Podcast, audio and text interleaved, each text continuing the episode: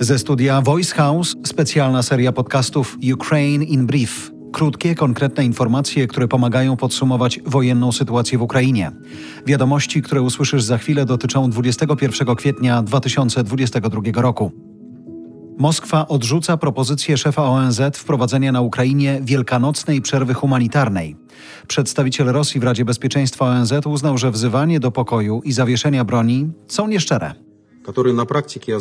W tej propozycji chodzi tylko o danie wytchnienia kijowskim nacjonalistom i radykałom, żeby się przegrupowali.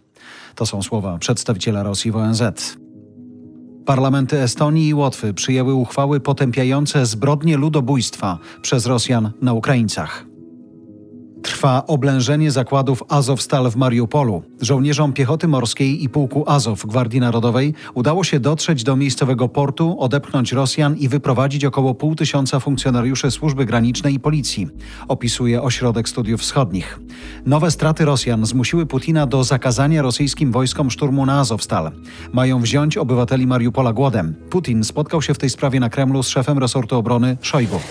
Предлагаемый штурм Uważam szturmowanie strefy przemysłowej za niepotrzebne. Rozkazuję ci to anulować.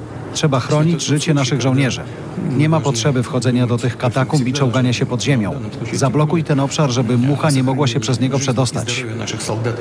Według OSW polecenie Putina, żeby siły rosyjskie zrezygnowały ze szturmu i zastosowały taktykę wzięcia głodem, pokazuje, że straty są znaczne. Nie jest także wykluczone, że celem Rosji jest pojmanie znacznej części obrońców jako jeńców i zorganizowanie ich procesu pokazowego. Ameryka idzie za ciosem. Prezydent Biden ogłosił nowy pakiet pomocy wojskowej dla Ukrainy wart 800 milionów dolarów.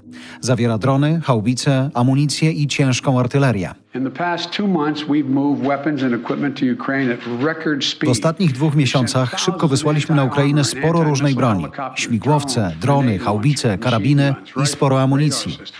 Wysyłamy broń bezpośrednio na pierwsze linie walki o wolność, mówi Biden.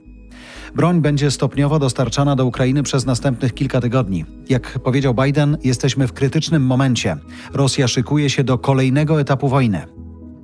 Rzecznik Kremla twierdzi, że Ukraina dostała projekt porozumienia pokojowego z konkretnymi sformułowaniami, ale ciągle zmienia stanowisko, co może mieć bardzo negatywne skutki dla przebiegu procesu pokojowego.